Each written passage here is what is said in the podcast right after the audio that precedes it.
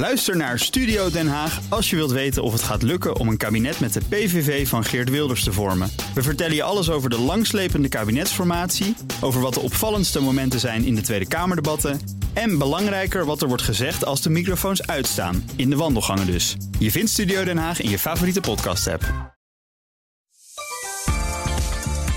Het is tijd voor een nieuwe generatie economen. Want de economie is te belangrijk om alleen aan grijze mannen in pak over te laten. Wij, economen Sarah, Irla en Elisa, gaan op zoek naar nieuwe geluiden in het economisch debat. Welkom bij de Nieuwe Economen Podcast. Welkom bij de derde aflevering van de Nieuwe Economen Podcast. Ik ben Elisa, de host van deze podcast, en ik maak deze podcast samen met Sarah en Irla. Het onderwerp van vandaag is ontwikkelingseconomie en in het bijzonder de manier waarop we naar kinderarbeid kijken. Een ingewikkeld en gevoelig onderwerp dus. De gast van vandaag is Milande Busquet, onderzoeker aan de Universiteit van Utrecht. Welkom Milande. Dankjewel. Jij doet onderzoek naar de rol van het bedrijfsleven in het omgaan met kinderarbeid in de cacaowaardeketen. Hoe ben je eigenlijk op dit onderwerp terechtgekomen? Ja, goede vraag. Um, het, uh, ik heb een tijdje in, uh, ja, in de ontwikkelingsstudies uh, in het veld ook gewerkt als impact consultant. En op een gegeven moment was ik op zoek naar een langer project. En toen dacht ik, waarom niet een PhD? Um, en deze PhD-positie kwam voorbij. En het was eigenlijk al best wel gedefinieerd, het onderwerp. Het, ging echt, het was echt het vraagstuk eigenlijk van... goh, wat kan het bedrijfsleven nou eigenlijk doen aan, met of tegen? Eigenlijk tegen kinderarbeid natuurlijk in de toeleveringsketens. Um, dat inspireerde mij, dat vraagstuk. Um, ook omdat ik dacht, hey, als het bedrijfsleven hiernaar gaat kijken... Uh, moet het natuurlijk niet alleen om de bedrijven gaan... maar het gaat uiteindelijk ook heel erg om de mens en om het kind. Want we hebben het, als we het over kinderarbeid hebben, gaat het om het kind komende uit ontwikkelingsstudies um, ligt ook mijn focus bij de mens. Dus ik dacht, weet je wat, ik uh, schrijf een proposal om uh, nou ja, deze PhD te gaan doen. En uh, nou ja, na een aantal rondes mocht ik eraan gaan beginnen. En je doet deze PhD aan een economiedepartement, toch? Dat klopt, ja. Hoe vind je dat? Um, leuk, spannend. Uh, het was best wel um, um, lastig in het begin. Uh, ik had natuurlijk wel deels een achtergrond in economie, want bij de ontwikkelingsstudies kom je dat ook tegen. Um, maar ik merk wel, ik heb ook uh, communicatiewetenschap gestudeerd, dus dat zit je veel meer in de sociale wetenschappen.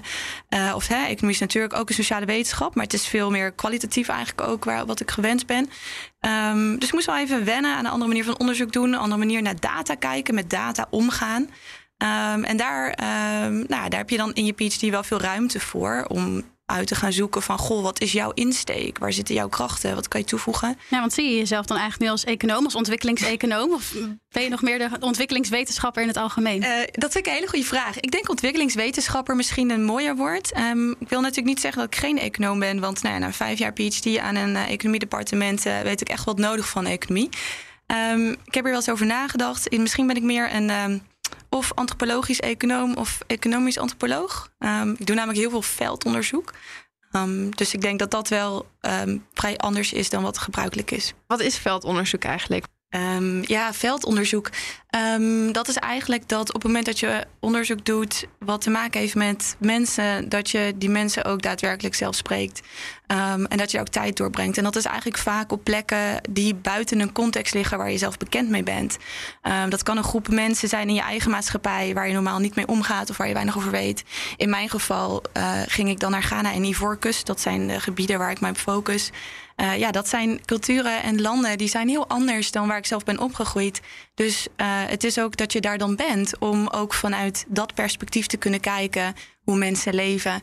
Um, in plaats van vanuit Nederland je bureaustoel maar eens gaan praten over hoe het dan in Ghana of Ivoorkust zo mogelijk zou kunnen zijn. Ik wil straks van alles weten over hoe jouw werkdag eruit ziet en hoe jij dat onderzoek uitvoert. Maar ik ben eerst eigenlijk wel benieuwd uh, wat voor onderzoek je precies doet. Want veel luisteraars en ikzelf uh, zullen misschien inderdaad ook wel denken: kinderarbeid moeten we zo snel mogelijk de wereld uithelpen. Maar in je artikel bespreek je eigenlijk twee perspectieven waarmee je naar kinderarbeid kan kijken. Uh, kun je hier wat meer over vertellen? Uh, ja, zeker. Ja, dat klopt. Dus um, ik ben eigenlijk begonnen, hè, ook omdat ik natuurlijk bij, het, bij een economiedepartement werk, om heel erg vanuit het bedrijfsleven te kijken en vanuit de handelsketens en handelssystemen. Dus het economische plaatje eigenlijk van hoe ziet zo'n toeleveringsketen eruit? En als we vanuit die keten kijken, hè, want een bedrijf zit in zo'n keten, ja, dan zien we dus eigenlijk, hè, je kan het een beetje vergelijken als een soort van verrekijker of een tunnel waardoor je kijkt, zie je daar kinderen rondlopen in die aan, aanleveringsketen. Nou ja, dat is een manier om er naar te kijken. En bedrijven die zich met zo'n vraagstuk bezighouden, die denken natuurlijk ook van, nou, hoe, hoe, krijgen we dan die kinderen uit die toeleveringsketen? Want dat willen we dan dus niet.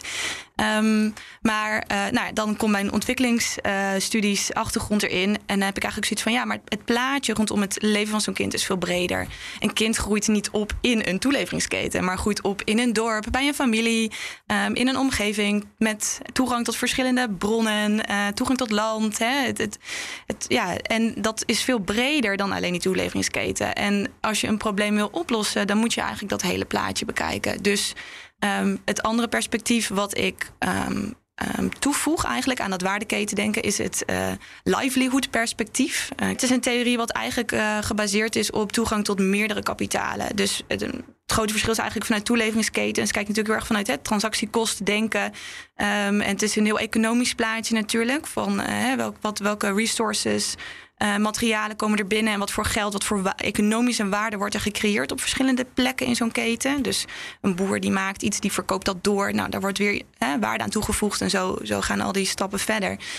Um, de livelihood zegt eigenlijk van, nou ja, weet je, om jezelf van levensonderhoud te voldoen, is er ook meer dan alleen dat economisch uh, kapitaal of dat financiële plaatje. Uh, je hebt ook sociaal kapitaal, uh, humaan kapitaal. Dus dat zijn echt de skills en de vaardigheden die jij als mens hebt. Hè. Wat, wat kun jij eigenlijk allemaal? Um, je hebt ook natuur, natuurlijk kapitaal. Dus hè, heb jij toegang tot grond? Kijk, als jij een stuk land hebt waar je je eigen eten verbouwt, heb je dus niet geld nodig om dat te kopen. Um, en dan heb je ook uh, fysiek kapitaal. Dus dat is echt infrastructuren die jij tot je beschikking hebt. Schoolgebouwen. Voor kinderen. Als we het over kinderarbeid hebben en kinderen. Dan, en we hebben het over alternatieven zoals onderwijs. Ja, is er dan wel een school in zo'n gemeenschap? En dus door naar dat bredere plaatje te kijken. En door naar al die kapitalen te kijken. krijg je ook een, ja, een beeld um, bij wat er nog meer allemaal gaande is. Kun je dat beeld van kinderarbeid wat jij hebt bestudeerd even wat beter schetsen? Ja, zeker. Dus nou, ik kijk dus heel specifiek naar kinderarbeid in de cacao-industrie. Um, en nou ja, ook in de, uh, in de regio West-Afrika, de landen Ghana en Ivoorkust. En ook in Togo ben ik geweest. Um, ja, waar hebben we het dan over? Nou, er zijn verschillende studies, verschillende cijfers, variërend van 1,6 tot 2 miljoen kinderen die in kinderarbeid werken in de cacao-industrie. In voornamelijk Ghana en Ivoorkust. Um, daar wordt de meeste cacao geproduceerd? Precies. Um, daar wordt, nou ja, grofweg in heel West-Afrika grofweg 70% van de wereldwijde cacao geproduceerd. En er werken 1, wat zei je, 1,6 tot 2 miljoen kinderen. Ja, op, uh, op boerderijen. Um, en um, nou ja, daar wordt dan heel erg onderscheid gemaakt in die studies tussen nou, light work, dus eigenlijk werk wat kinderen wel kunnen doen. En dan heb je child labor en dan heb je daarbinnen heb je nog de categorie hazardous work. Dus dat zijn een soort van de zwaarste of meest gevaarlijke of uh, ja, um, ja, lastige hazardous taken die een kind uitvoert. En waar liggen de grenzen tussen die drie categorieën? Uh, het, het, is afhankelijk van verschillende factoren. Dus het kan te maken hebben met tijd. Dus hoeveel uur besteedt een kind op een boerderij? Hè? En, en, dan afhankelijk van de leeftijd. Dus als je 16 bent, kun je meer uren dingen doen dan wanneer je 12 bent. En als je 8 mm-hmm. bent of 7, dan, hè, dan zou je eigenlijk helemaal geen uren op een, op een plantage moeten uh, doorbrengen. Wat ook heel lastig is, want dit brengt mij heel even bij het volgende puntje. Uh, als we het hebben over kinderarbeid en cacao, het is allemaal binnen het gezin grotendeels. Dus je ziet echt, het zijn smallholder farmers, kleine boerenbedrijven, um, ouders en de kinderen die de, die de ouders meehelpen op het land. Um, dus dat is eigenlijk de grote de context waarin dat, dat die arbeid plaatsvindt. En wat voor soort taken moeten we dan aan denken die de kinderen uitvoeren? Wat, wat wordt veel gedaan? Um, nou, carrying heavy loads, dus zware dingen tillen, valt daaronder. Dus dat een kind iets, iets, iets tilt wat eigenlijk boven, hè, of volgens bepaalde normen en wetgevingen boven bepaalde normen uh, plaatsvindt. Um, maar ook dus te veel uren me, uh, doorbrengen op zo'n op zo'n plantage. Um, machetes valt daaronder. Um, dat is toch best wel lastige, want je mag dus onder de 18 geen machette uh, gebruiken. Wat is dat? Een machete, een kapmes. Ja, je, het wordt voor heel veel taken gebruikt op het platteland. en ook, ook soms wel buiten het land. Want het is ook iets waarmee ze gewoon, hè, als ze een, een pad banen, dus van de ene plek naar de andere plek lopen. En nou ja, alles bebossing is weer heel dicht gegroeid. Dan nou ja, met zo'n kapmes kun je zelf een weg banen door het land. Maar voor kinderen is het niet de bedoeling dat ze zoiets gebruiken omdat het gewoon heel gevaarlijk is? Ja, nou ja, het is natuurlijk gevaarlijk. En, maar ook dat is lastig. Want natuurlijk, ja, als ik, ik kom uit uh, Nederland, ik ben niet opgegroeid met het gebruik van een kapmes. Dus als ik een, een kapmes zie, dan denk ik, oeh, nou ja, hè, laat mij daar maar niet mee aan het werk. Uh, en ik zou ook zeker niet uh, een jong iemand daar per se mee aan het werk zien. Maar um, aan de andere kant, als je daar bent, die context is heel anders. Hè. Zij groeien natuurlijk wel veel meer op met dit soort tools. Um, dus het is, een hele, het is een hele lastige discussie. Ik zat er laatst over na. We hebben natuurlijk eventjes uh, voorgesproken ook. Hadden we het ook even over het onderwerp. En we hebben binnen Nederland hebben we ook wetten over wat kinderen mogen doen, wat kinderen niet mogen doen. En ik keek laatst de documentaire Brommers kieken. Dat gaat, die volgt verschillende, twee jongere groepen eigenlijk op het platteland van Overijssel. En je ziet daar ook dat, dat, dat jongeren heel erg opgroeien met werken op het land. Hele zware machines waar ze mee werken, waar ze eigenlijk nog niet mee zouden mogen werken. Maar toch, als ik aan kinderarbeid in de cacao-productieketen denk, denk ik aan een heel ander beeld. In hoeverre is die parallel nou te trekken? Mag ik aan je vragen aan wat voor beeld je denkt? Ja, ik denk dan toch aan iemand die de hele dag in, het, in de brandende zon, in de warmte, op het veld werkt, die heel zwaar werk moet doen, die misschien geen pauze mag houden. Ik, ik zie veel ja, meer ook wel monitoringen voor me. En ook wel gewoon kinderen die niet naar school gaan omdat ze op het land moeten werken, bijvoorbeeld. Ja, nee, oh, ik vind het wel heel interessant dat jullie dat zeggen. Um, ik denk dat er binnen die hele grote container van kinderarbeid zijn er heel veel verschillende omstandigheden. Um, en ik denk dat dat ook heel belangrijk is om, die onderscheid, om dat onderscheid wel te maken. Want die gevallen die jullie bijvoorbeeld noemen, dat een, hè, een kind wat misschien de hele dag in de brandende zon staat, um, dat zal zeker voorkomen.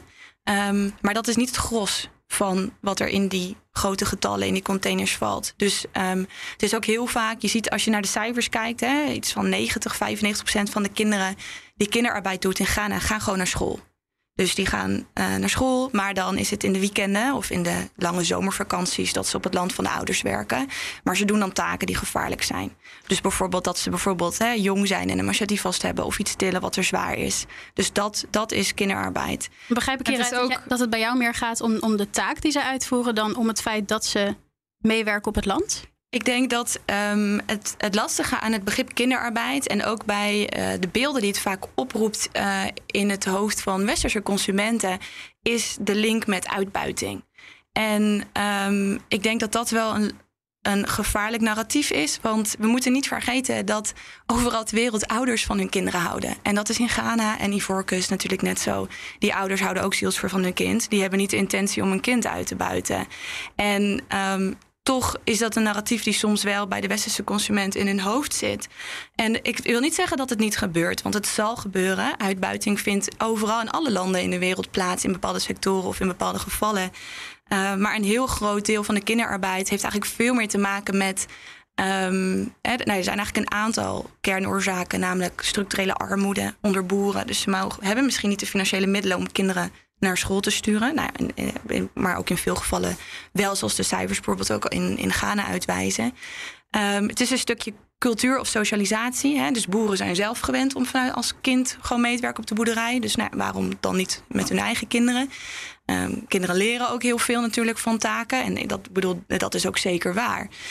Um, dus de discussie gaat eigenlijk veel meer over... goh, wat zijn nou eigenlijk die taken die kinderen doen als ze meehelpen op het land van de ouders? En kunnen we het misschien meer hebben over um, hoe je die gevaren kan mitigeren? Maar ik, ik, maak me ook wel een beetje zorgen als ik het zo hoor. Uh, kinderen gaan en naar school en dan als ze vakantie hebben of weekend, dan moeten ze de hele tijd op het land werken. Kunnen kinderen niet ook gewoon spelen, denk ik dan?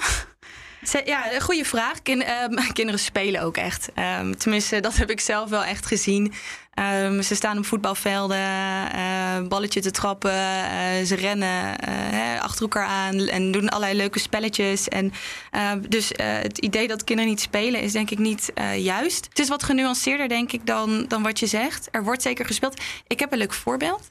Um, ik was een keer bij een waterput en daar stond een grote groep meiden water te halen. Want nou, we hebben het over het rurale platteland van uh, Ivoorkust in dit geval. Ja, daar hebben ze geen water uit de leidingen in huis. Dus water wordt uit waterputten gehaald. En dat is uh, traditioneel gezien vaak een, een, taak voor kinderen om dat te doen. Dus het waren dames, meisjes van, uh, nou, ik schat tussen de 10 en 15 jaar. En die stonden bij die, bij die, bij die pomp. En um, nou ja, terwijl dus zij aan het pompen waren en dat water in die emmers waren, waren ze aan het spelen eigenlijk. Ze waren ook aan het nat spetteren en aan het lachen en ze sprongen op en neer. Um, en, en dat was een moment dat ik dacht, hé, hey, wat leuk. Dit is gewoon is dit, wat is dit? Is dit werk of is dit gewoon is dit spelen? Of is dit gewoon huishouden? Ik bedoel, wij werken allemaal als kinderen ook mee in het, of hebben helpen mee in het huishouden van onze ouders. Vaak allemaal. ook. ik was vrij lui vroeger.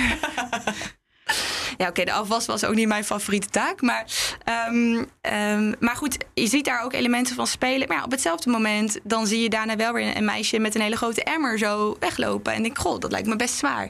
Dus het laat heel erg zien dat het, het beide tegelijk is. Het is niet het zwart-wit. Het is niet of slecht of goed. Maar er wordt gespeeld. Ondertussen lijkt het ook zwaar. Dus het is heel complex. Ja, dus het is heel zwart-wit. Maar ik ben wel benieuwd, uh, wat vond je nou uiteindelijk in je onderzoek? Dus hoeveel kinderarbeid uh, bestempel je dan als problematisch, wat je tegenkwam? En hoeveel is minder problematisch? Nou, door dus met die twee verschillende lenzen te kijken, dus de handelsketens en de livelihood lens, Um, wat je eigenlijk ziet is dat um, je meer holistischer moet gaan kijken naar het probleem. Dus op het moment dat we het alleen hebben over inkomen. Kijk, als een boer hoger inkomen heeft, maar er is geen school in een gemeenschap, dan is de kans groot dat kinderarbeid niet per se verdwijnt.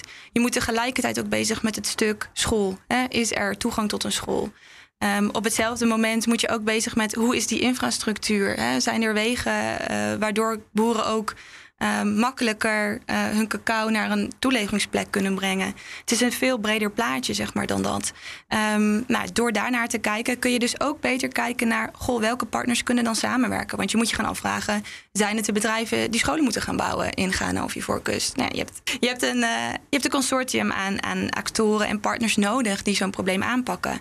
Um, gewoon om een heel concreet voorbeeld te geven...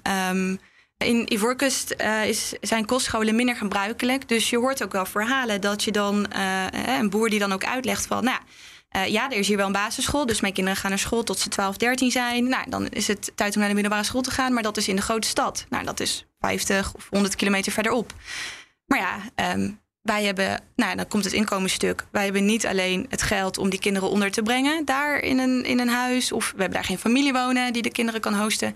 Dus uh, ze gaan daar alleen naartoe. Of als er is geen leerplicht. Er is uh, leerplicht volgens mij, uh, basisonderwijs. Ja, of tot 14 of 15 jaar volgens mij. Maar het is ook net even weer anders in Ghana en die voorkust. Um, dus nou ja, die, die kids die gaan dan naar, naar zo'n school toe, maar die wonen daar zonder begeleiding.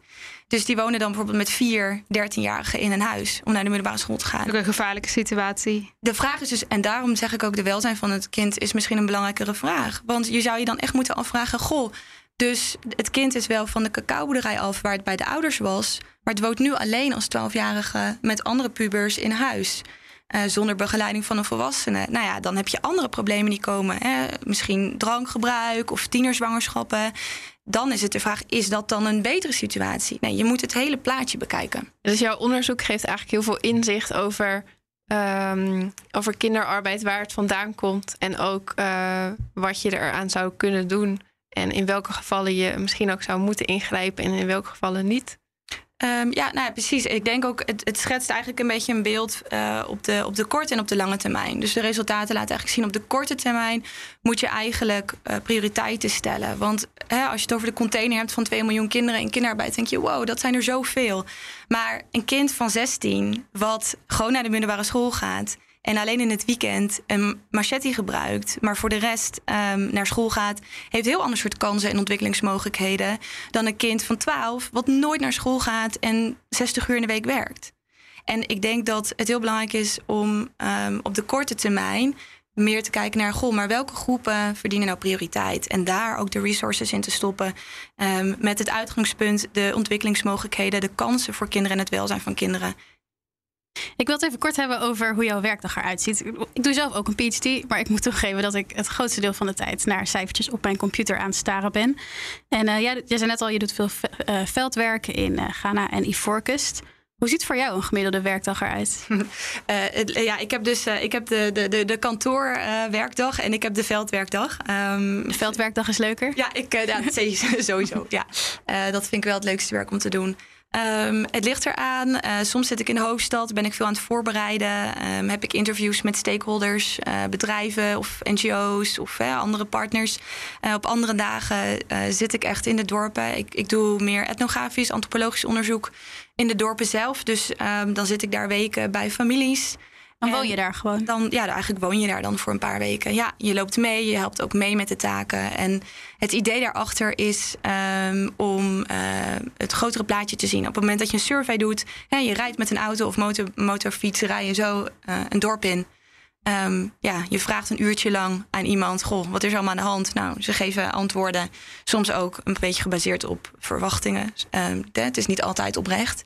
En, uh, en je gaat weer weg. Maar je hebt zelf eigenlijk helemaal geen idee van die hele context van zo'n levensstijl. En uh, ik had juist zoiets van, nou nee, ik wil in zo'n dorp wonen, want ik wil het hele plaatje zien. En, nou, en dat is ook waarom ik zeg, boeren houden ook van hun kinderen. Want ja, wij denken, oh, een kinderarbeid en hè, exploitatie. Maar ja, tuurlijk, een boer houdt ook van zijn kind. En ja, er is geen school, het kind gaat mee met de vader naar de boerderij. En ze komen samen s'avonds terug en hij trekt het kind op schoot. En daarna wordt er gespeeld met de andere kinderen. En je ziet ook liefde.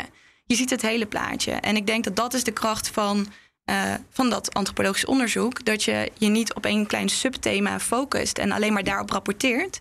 Maar dat je uh, eigenlijk het hele kader in kaart kan brengen. En natuurlijk ook, ik moet altijd ook bewust blijven van mijn eigen lens. Ik bedoel, ik ben ook een Nederlandse vrouw die dan daar in een dorp rondloopt. Ik bedoel, dat heeft ook invloed. En, en tuurlijk, ik kijk ook met een bepaalde blik. De meeste economen die werken natuurlijk wel met cijfers. Die doen kwantitatief onderzoek. Um, maar jij hebt heel veel interviews uitgevoerd en veldwerk, kwalitatief onderzoek. Um, ja, voel je een beetje thuis? Ja, onder de economen. Zeker. Ik ben niet vreemd van cijfers. Uh, ik heb uh, ook binnen mijn, de, de, mijn eerdere studies uh, goede dosis statistiek gehad. en ik heb ook meegelopen met wat econometrie. Dus ik ben niet vies van cijfers. Ik denk ook dat ze heel belangrijk zijn. Maar um, ik merk ook wel dat mijn, mijn kracht ligt wel bij kwalitatief onderzoek. En um, waarom is dat zo belangrijk? Omdat Um, kijk, cijfers uh, vallen niet uit de lucht. Die worden natuurlijk tot stand gebracht door proxies, definities. Hè, die, daar worden keuzes gemaakt. En um, door mijn eerdere uh, studieachtergrond ook, um, en ik denk ook het stuk communicatiewetenschap wat ik heb gestudeerd, ben ik ook heel erg met taal bezig.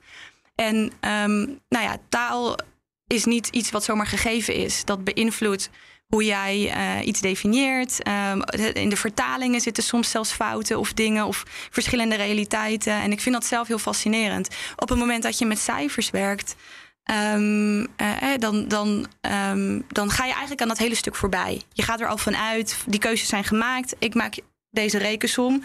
En iets is bewezen of niet. Een hypothese wordt verworpen of niet. En dan is dat je resultaat. Maar als jij beslist om een bepaald dorpshoofd te interviewen, dan maak je toch ook een keuze? Waarom dan die en dan niet de andere? Hoe zorg je dan dat dat representatief is, bijvoorbeeld? Dat is heel goed dat je het zegt. Want kwalitatief onderzoek gaat niet om representativiteit. Je probeert niet uh, een uh, soort representatief, uh, representatief beeld te schetsen van, van een heel land. Nee, je kijkt juist naar een specifieke casus om te kijken: goh, zitten hier complexiteiten waar we geen rekening mee hebben gehouden? En dat heb je dan voor heel veel verschillende dorpen gedaan? Um, aantal. Kijk, de kracht van kwalitatief onderzoek ligt ook in dat je juist meer tijd besteedt op één plek, waar je ook vertrouwen wint en relaties opbouwt en daardoor veel dichter bij een realiteit komt um, dan wanneer je heel kort en vluchtig heel veel verschillende plekken aandoet. Um, dus uh, ja, ik ben in. ik heb in vier verschillende dorpen een aantal, aantal weken gezeten. Um, en verder heb ik nog heel veel andere plekken korter bezocht. Twee dagen of drie dagen bijvoorbeeld. Um, ik, vond het, ik vind het nog wel leuk om een voorbeeld te noemen over uh, het stukje data versus hè, kwantitatief versus kwalitatieve data. Uh, en waarom die vertaalslag zo belangrijk is, vooral op dit soort gevoelige onderwerpen zoals kinderarbeid. Um, je hebt het voorbeeld moderne slavernij natuurlijk. Ik denk, hè, want dat, dat is ook een goed onderscheid om te maken. Kinderarbeid en moderne slavernij is niet hetzelfde. Um, moderne slavernij, dan heb je het eigenlijk over dwangarbeid of gedwongen arbeid. Of dat wordt heel vaak als proxy gekozen uh, in, in dataverzameling. Er is een interessante studie ook hierover gedaan. Die studie um, uh, gaf aan 1,6 miljoen kinderen werken in kinderarbeid. Um, en dan, nou ja, 95% daarvan werkt in kinderarbeid omdat het hazardous is. Dus er worden te zware taken gedaan. Ondertussen is het ook hè, een groep van rond de 90, 95% dat ook wel naar school gaat. Dus het het is mm. dit vindt tegelijkertijd plaats. Om het even in, in cijfers te schetsen: 1,6 miljoen kinderen werken in kinderarbeid. En dan is er een studie uh, die ook laat zien dat daarvan 14.000 kinderen in gedwongen arbeid als proxy voor moderne slavernij werken. Dus de schaal van het probleem is heel anders. Wat ik je nog even wil vertellen over het, waarom dat definiëren zo belangrijk is en goed nadenken over hoe je cijfers tot stand komen, is als jij dwangarbeid definieert als gedwongen arbeid gedaan door iemand anders, of gedwongen door iemand anders dan de ouders, de biologische ouders, dan zijn het 14.000 gevallen. Maar als het gaat over dwangarbeid, hè, want wat je eigenlijk kreeg je een pushback vanuit Ghana en die Focus, die zeiden ja, maar in de Afrikaanse, West-Afrikaanse gemeenschappen leven kinderen niet alleen met de biologische ouders. Ze leven ook met ooms, tantes, opa's, oma's. Soms omdat de ouders zijn overleden, maar ook omdat de familieverbanden veel groter zijn. Dus die definitie is toen aangepast. En toen hebben ze gezegd: oké, dan is dwangarbeid alle arbeid die gedwongen wordt door iemand anders dan hè, deze grotere groep familieleden. Dus ooms, tantes, opa's, oma's en ouders. En toen zakten de getallen naar 2000. Dus dat laat heel erg zien dat er best een groot grijs gebied uh, is eigenlijk tussen wat is dan dwangarbeid. En ik denk ook dat het heel erg belangrijk is dat daar in de toekomst veel meer onderzoek naar wordt gedaan om goed in beeld te krijgen hoe groot is dit probleem, um, hoe, hoe moet het aangepakt worden, want het, het is wel een, het is iets anders dan kinderarbeid. Want als ik uh, jou zo zou mogen samenvatten, is kinderarbeid vooral een probleem wanneer het negatieve invloed heeft op het welzijn van het kind. Absoluut, want um, en dat is natuurlijk heel erg lastig aan het woord kinderarbeid. Want um, in Nederland werken kinderen ook, onze 14-jarigen staan ook als vakkenvullers in de Albert Heijn. Um, dus het, het, moet, het gesprek moet veel meer gaan over het welzijn van kinderen. En, en ook het. En daar dat wil ik nog wel even zeggen. Ook het meer de structurele aanpassingen in die, in die ketens, waardoor boeren ook daadwerkelijk meer kunnen gaan verdienen. Want het gaat natuurlijk ook heel erg om de kansen. Want Um, ja, op dit moment is het allemaal ruwe export. Het gaat allemaal naar het westen. En hier worden chocoladerepen gemaakt en wordt het grote geld verdiend. Maar uiteindelijk is het ook heel belangrijk dat er voor boeren en de kinderen van boeren ook mogelijkheden zijn uh, na hun school om activiteiten te doen waar ze gewoon meer geld mee kunnen verdienen. En sterker nog, ik heb ooit mijn profielwerkstuk geschreven over eerlijke chocolade. En daarin leerde ik dat uh, heel veel jongeren in Ivoorkust en Ghana eigenlijk wel hebben besloten van ik wil later niet in de cacao-industrie werken, omdat daar niet voldoende mee te verdienen is. Ja. Um, onze dus toekomst van chocola is in gevaar. Onze toekomst van chocola is zeker in gevaar. En uh, dat, dat is denk ik wel iets belangrijks om naar te kijken. Want aan de ene kant is dat ook een, kan het ook een reden zijn waarom kinderen soms wel, of waarom ouders soms toch zich genoodzaakt voelen om hun kinderen te laten werken, terwijl ze dat zelf misschien niet willen. Die ouders ook. Want ze denken, ja, anders kan ik niet rondkomen. Ja, klopt. En natuurlijk ook het stukje, wat voor alternatief is er ook? Want op het moment, deze landen zijn nu voor 60, 70 procent gebaseerd op, uh, op agricultuur, um, op akkerbouw. Um, ja, je, op het moment dat kinderen naar school gaan en de middelbare school en of studeren en ze zijn klaar en er is absoluut geen enkele andere soort baan dan weer teruggaan naar de boerderij. Ja, dan heb je het ook over een stukje intrinsieke motivatie. Er moeten ook er moeten ook kansen gecreëerd worden. Er moeten kansen zijn ook om, om alternatief werk te doen. We kunnen hier nog uren over doorpraten, maar ik ben nu wel heel erg benieuwd naar de beleidsimplicaties. En uh, Sarah, jij hebt hier wel een uh, mening over volgens mij. Ja, we, hadden het net even over onze toekomst van chocola. En dat impliceert eigenlijk meteen uh, als consument en ook als nou ja, producenten in de westerse wereld hebben wij ook een verantwoordelijkheid om nou ja, maatschappelijk verantwoord te ondernemen, noemen we dat vaak. En dat wordt in de politiek ook steeds meer onderkend. In 2019 is de wet zorgplicht kinderarbeid aangenomen. Uh, die richt zich dus op bedrijven in Nederland of bedrijven buiten Nederland die in Nederland zaken doen. En die een zorgplicht hebben om kinderarbeid in hun uh, productieketen te identificeren uh, en negatieve effecten te voorkomen.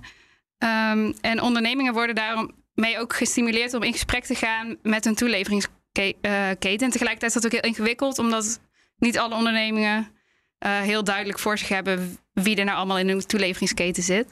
En ik was wel benieuwd, uh, hoe kijk jij aan tegen dat soort uh, initiatieven? Ja, ik denk dat het ontzettend goed is dat het bedrijfsleven verantwoordelijkheid neemt voor wat er in hun ketens gebeurt. Um, ik denk dat dat een hele goede stap is, absoluut. Um, wat, waar ik ook echt van overtuigd ben, is dat het heel belangrijk is dat juist ook in dit soort gesprekken en discussies en wetgeving, dat eigenlijk alle partijen van zo'n keten inspraak moeten hebben over hoe dat er dan praktisch of concreet uit moet zien. Um, ik denk wetgeving is een heel belangrijk startpunt, want het creëert een soort van gelijk speelveld voor iedereen.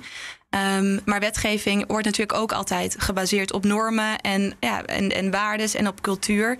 En wat er in Europa de norm is, kan heel anders zijn dan wat de norm is in een uh, land zoals Ivoorkust of Ghana. Dus het is heel belangrijk dat in dit soort wetgevingen uh, en afbakeningen van wat kan wel en wat, wat kan niet. En wat moet er gedaan worden en wat niet. En waar ligt die verantwoordelijkheid en waar stopt het. Dat iedereen om tafel zit. Dus dat daar, hè, dat je die, die, die power balance, dat je dat, dat machtsverschil, dat je dat wel adresseert. Dus dat een Ivoriaanse of Ghanese overheid hier net zoveel over heeft te zeggen als een Europese overheid. Uh, en, en, en dan ook nog een stap, hè, een, een stap uh, verder, dat de boeren zelf daar ook echt inspraak uh, in hebben over hoe hun leefgebied, hun leefomgeving eruit ziet. Want ja, de overheid, hè, ministers uh, en, en, en parlement uh, in, in Ghana en Ivoorkust hebben ook weer een ander beeld dan misschien een boer die ergens heel ruraal opgroeit. Dus het is heel belangrijk om alle partijen bij elkaar te zetten. Kijk, een bedrijf kan zich bezighouden met zijn toeleveringsketen. Maar er zit een heel groot stuk omheen in de werkelijkheid en de realiteit waarin het kind opgroeit. En het zijn NGO's, hè. er zijn UNICEF en, en Save the Children, die zijn heel erg bezig met welzijn van kinderen. En ja, ik denk dat dat heel, uh, heel vruchtbaar kan zijn als daar meer samenwerking zit. Want daar heb je dan echt die learnings en dan heb je ook het veel holistischer en meer holistischer beeld uh, en, en effect. Ja. Ik denk dat het ook wel heel lastig is. Je hebt het over wetgeving, SADA. Um, om, om, zoals de wet zorgplicht, om de nakoming daarvan te controleren. Want uh, het onderzoek dat Milande doet, daarvoor, daar heb je echt heel veel tijd in gestopt. Je bent naar die dorpen toegegaan, je hebt al 300 interviews afgenomen. Um, bedrijven zullen niet alle dorpen in Ivoorkust of Ghana gaan bezoeken. En degene die die wet moet controleren ook niet, denk ik. Nee, het, wat, hoe ze het nu hebben ingericht, uh, volgens mij, is dat je uh, dus misstanden kan melden, ook als je bijvoorbeeld zelf in zo'n dorp woont. Uh, en dat dan uh, de autoriteit in Nederland of een andere toezichthouder op die meldingen kan reageren. Maar ja, stel dat je bijvoorbeeld um, als ouder te weinig inkomen verdient. En dat is een reden waarom kinderen bijvoorbeeld vaker dan verantwoord meewerken op het land. Dan ga je dat natuurlijk niet melden. Nee, Wat je nodig hebt is meer inkomen. Wij denken als uh, economen natuurlijk graag na over beleid, maar we zijn ook gewoon consument. Uh, wat kun je als consument nou doen om het welzijn van het kind voorop te stellen? Ja, ik denk dat het goed is om te zeggen dat uh, eigenlijk in de hele industrie wordt er eigenlijk wel veel gedaan. Je ziet wel dat cacao bijvoorbeeld ook echt wel voorop loopt ten opzichte van andere commodities. Zoals bijvoorbeeld katoen of zoals bijvoorbeeld hè, um, rubber. Bijvoorbeeld. Niemand maakt zich druk over die rubberketen, wat daar gebeurt. Uh, en in cacao zie je toch echt wel dat, uh, dat er enorm veel initiatieven zijn. Echt hè, breed getrokken over allerlei soorten bedrijven, kleine sociale ondernemingen, multinationals. Iedereen houdt zich er wel op een bepaalde manier mee bezig. Dus er gebeurt heel veel. Um, alleen ja, als je naar de cijfers kijkt, is de, de, de, de progressie is eigenlijk gewoon best wel langzaam. Um, dus ja, wat kun je doen als consument? Ik denk gewoon.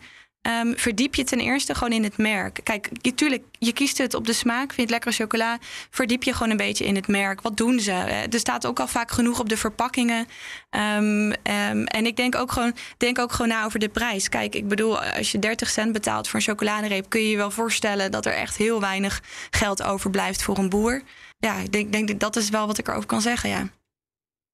Je bent bijna klaar met je PhD. Wat, wat, wat kunnen we van jou in de toekomst verwachten? Hm, dat is uh, ook een lastige vraag. Uh, what's next? Um, nou, inderdaad, dat is wel heel veel tijd ook uh, in de boeken te hebben doorgebracht. Gelukkig ook in het veld, maar ook in de boeken. Um, neem ik een sabbatical waarbij ik over na wil gaan denken over... Um, nou, misschien zelf een sociale onderneming opzetten. een ander deel waar, wat ik ook wil uitzoeken is misschien ook een boek of iets, een, een media-uiting produceren wat um, losstaat van mijn dissertatie. Want dat is natuurlijk een heel theoretisch stuk. Dat gaat niemand lezen. Mijn, moeder misschien.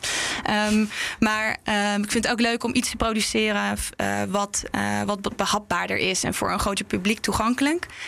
en dan de langetermijn, uh, ja, vast wel weer terug het onderzoek in. Daar, dat doe ik graag. Ik kijk er naar uit om je boek te lezen. leuk. Hiermee is een einde gekomen aan de derde aflevering van de Nieuwe Economen podcast. Volgende week praten we met Eva Janssens, promovendus aan de Universiteit van Amsterdam, over macro-economische modellen en het beleid van de Europese Centrale Bank. Tot dan!